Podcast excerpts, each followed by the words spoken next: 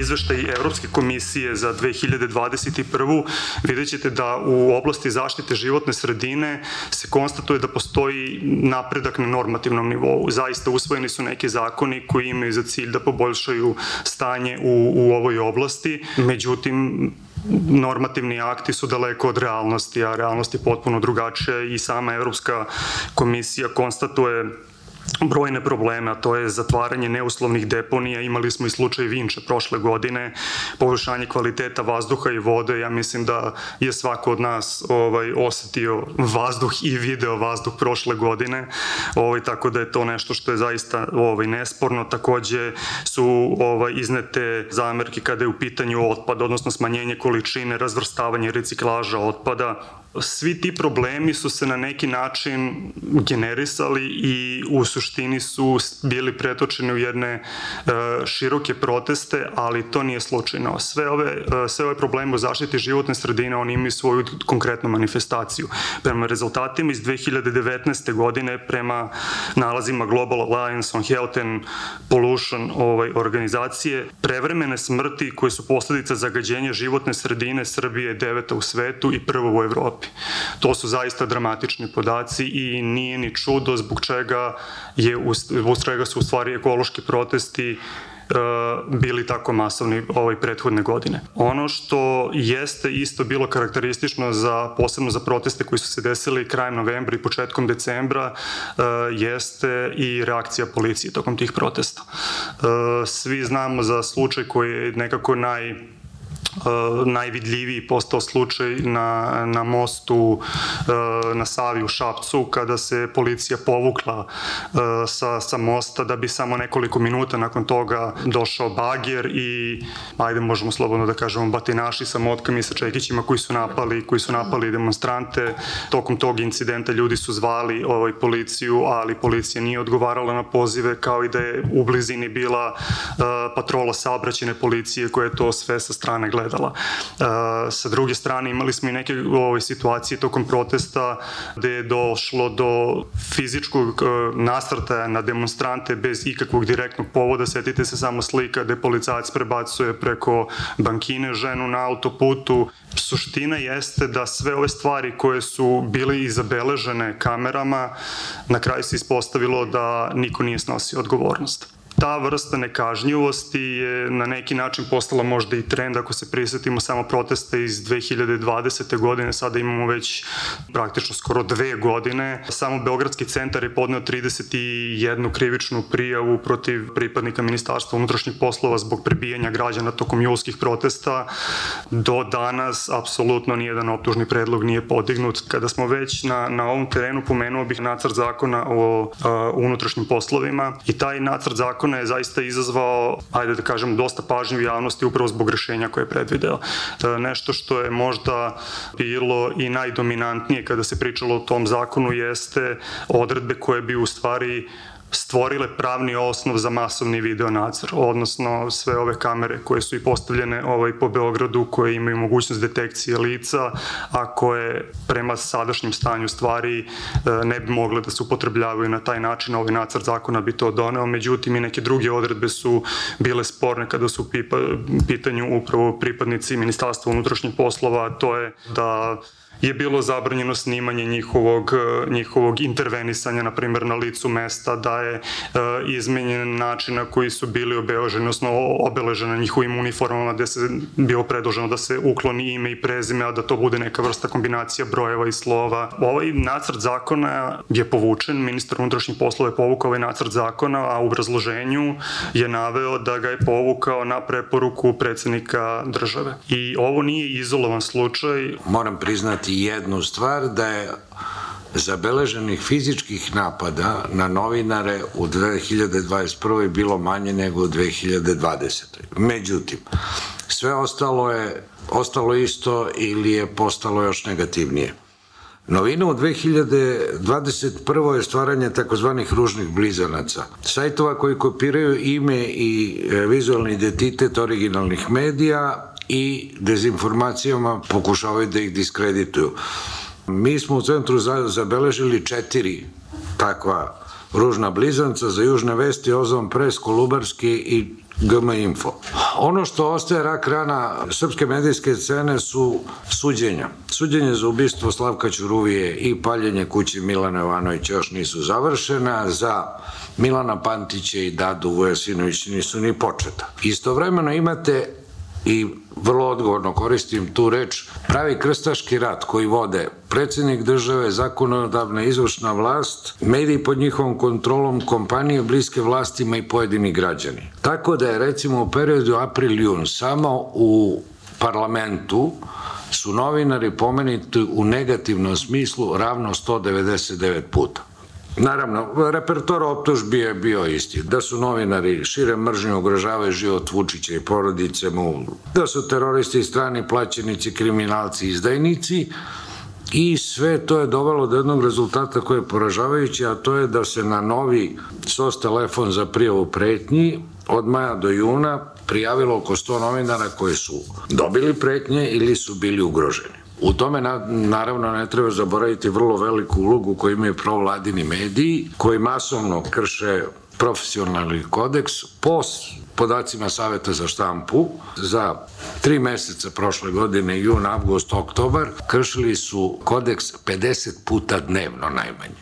Ili od 18. januara do 18. februara u 232 teksta su, odnosno priloga, koristili govor mržnje ili Što je još gore, u 75% slučajeva otkrili su identitet žrtve. Četiri dnevnika bliska vlastima po jednoj analizi neguju govor kao deo uređivačke politike. Na sve to ti mediji dobijaju nagradu javnom novcu kroz sufinansiranje medijskih sadržaja.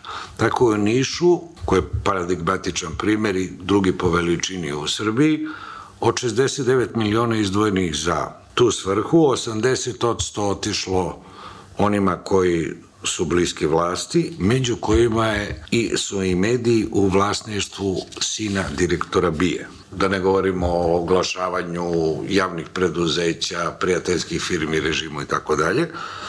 I pojedini novinari dobije nešto što se zove lična korist, pa je tako recimo koleginica Sapinka postala savjetnik za medije predsednika opštine Grocka sa 125.000 dinara plate mesečno, što je potpuno u suprotnost, odbiljan sukob interesa sa stanovišta novinarstva. Drugo područje vlasti koje malo prolazi ispod radara, ali mislim da ne bi trebalo, je njeno očuvanje i širenje vlasništva u medijima. A suprotno obavezama koje je prihvaćeno medijskom strategijom. Tako su vlasti preko Telekoma, preduzeća koje inače u njihovom većinskom vlasništvu, u prvom tromeseču 21. kontrolisale 48% tržišta emitovanja video sadržaja.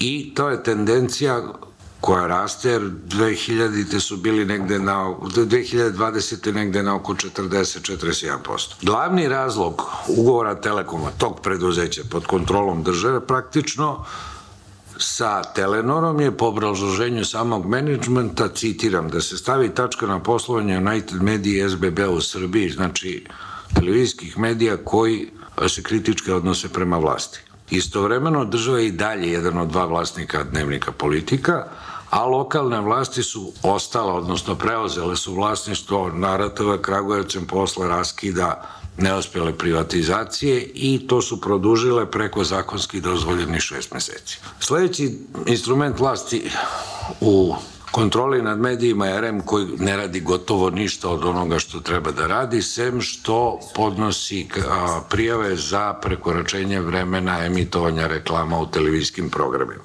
Ali zato donosi odluku po koje prikazivanje leševa žrtava kriminalne Belivok grupe na TV sa nacionalnim frekvencijama u vreme pre 10 sati uveče, u interesu javnosti i nije kršenje profesionalnog kodeksa, jer ovo obrazloženje je fantastično, jer je u pitanju odluka Nacionalnog saveta za bezbednost koji ima primat u odnosu na sve što je upitno.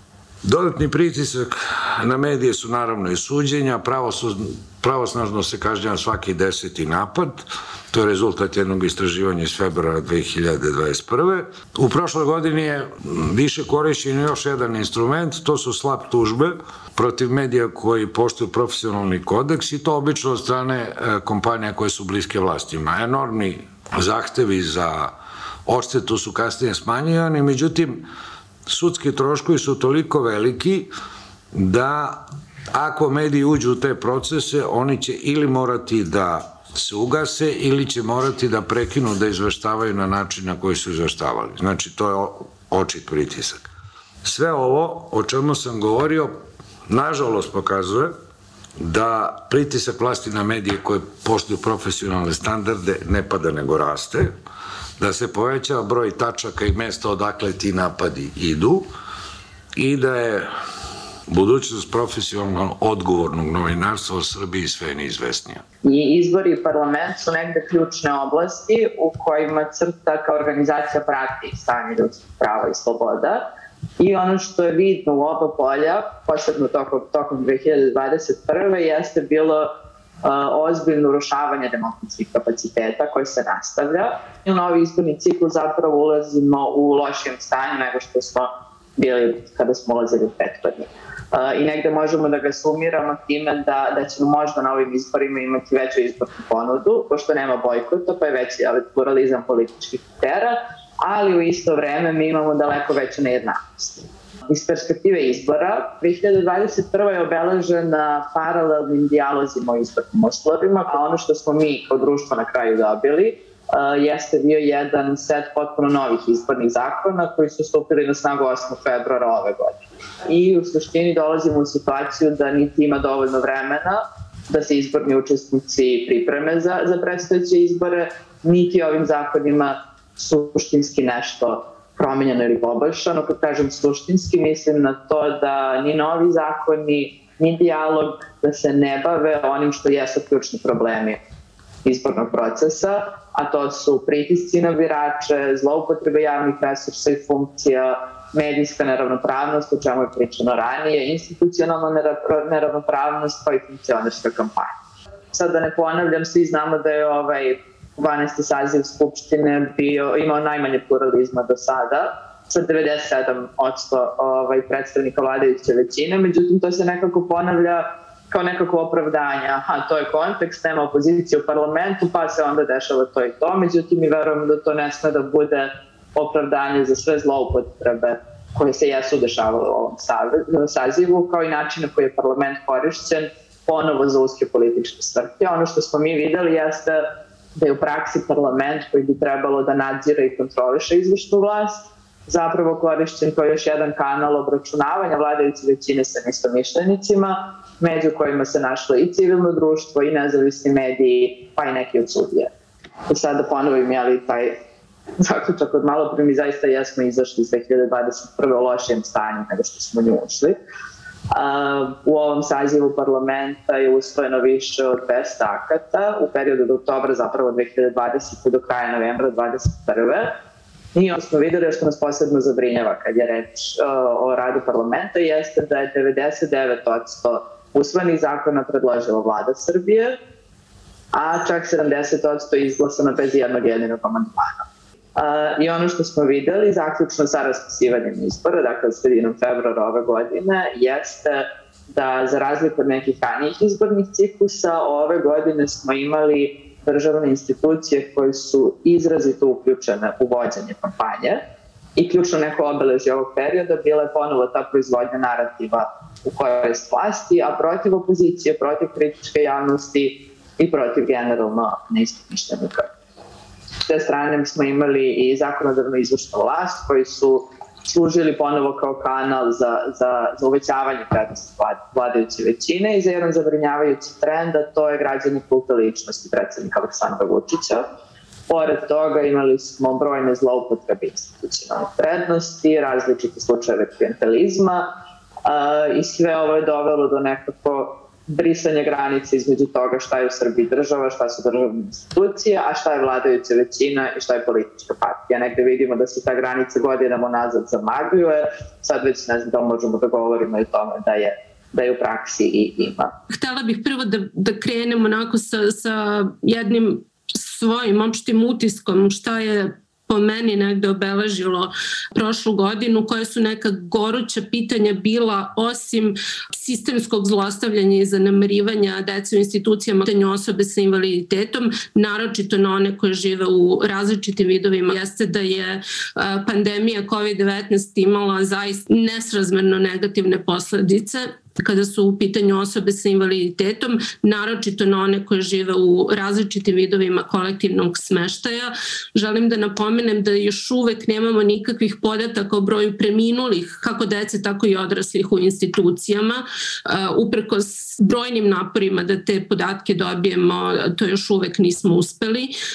Ono što je jako bitno kako za pitanje pandemije, tako i generalno što vidimo sada ovu humanitarnu katastrofu koja se dešava u Ukrajini kada su u pitanju deca i odrasle osobe sa invaliditetom u institucijama, taj nedostatak pripreme za kriznu situaciju suprotno preporukama međunarodnih tela i takođe nesprovođenje efikasnog procesa deinstitucionalizacije rezultirali su da je Srbija zapravo ugrozila živote i prava hiljada ljudi sa invaliditetom. Ono što je još meni izuzetno bitno da napomenem jeste potpuni krah sistema obrazovanja kada su u pitanju sva deca, posebno deca sa teškoćama u razvoju Osobe sa invaliditetom su jedna od najugroženijih grupa kada, e, što se tiče stope siromaštva, a posebno je težak položaj osoba e, u institucijama socijalne zaštite i psihijatrijskim bolnicama. E, ono što je takođe važno istaći jeste da su žene sa invaliditetom u riziku od više struke diskriminacije, dok se žene u institucijama i dalje suočavaju sa rodno specifičnim oblicima nasilja. Prošle godine u decembru je usvojen zakon o pravima korisnika usluga privremenog smeštaja u socijalnoj zaštiti. Mogu reći da je to jedan od pozitivnih pomaka i ovaj zakon predviđa zabranu primene svih mera prinude i tretmana bez pristanka korisnika, kao i zabranu ograničavanja kretanja i izolacije. Takođe, zakon specifično prepoznaje zaštitu od rodno zasnovanog e, nasilja i zaštitu reproduktivnog reproduktivnog zdravlja e, devojčica i žena, a ono što je takođe važno e, jeste da predviđa e, monitoring od strane organizacije civilnog društva, znači monitoring ustanova socijalne zaštite. Kada je u pitanju položaj osoba u institucijama, da se vrati sada na sam izveštaj, ono što je identifikovano je da Srbija još uvek nije uspela da reši pitanje teških kršenja ljudskih prava, što je prepoznato i u zaključnim zapažanjima Komiteta protiv torture. Takođe, ono što je konstatovano u izveštaju jeste da je smeštaj u rezidencijalnim institucijama, kako u velikim domovima, tako i u malim domskim zajednicama, opasan po psihičko i fizičko zdravlje korisnika. Ono što mislim da je jako važno jeste da se osvrnem na diskriminaciju dece sa teškoćama u razvoju osoba sa invaliditetom od strane sistema zdravstvene zaštite, a to je često uskraćivanje medicinskih tretmana, uskraćivanje lečenja ili operativnih zahvata deci sa teškoćama u razvoju, vrlo otežan pristup svim drugim sistemima zdravstvene zaštite od strane osoba sa invaliditetom. Mi adekvatnu reakciju Ministarstva zdravlja na navode iz izveštaja nismo imali, tako da imamo često slučajeve da se ljudi umesto na relevantne, imamo problem takođe kada su u pitanju deca i odrasle osobe u institucijama, boravak u instituciji često kod dece vodi zaustavljanju razvoja. Tako da vi imate ljude, odrasle ljude koji imaju 20-30 godina, koji izgledaju kao deca od 8 ili 9 godina, te odbijaju da ih leče i pedijatri zato što oni nisu više maloletni, a odbijaju da ih leče i lekari e, za odrasle s obzirom da oni fizički, jel tako, njih ne smatraju odraslima. Tako da vidimo jedan lavirint iz koga zaista nema izlaza bez e, sveopšte transformacije sistema kako socijalne zaštite, tako i zdravstvene zaštite i sveobuhvatnog pristupa osobama sa invaliditetom invaliditetom.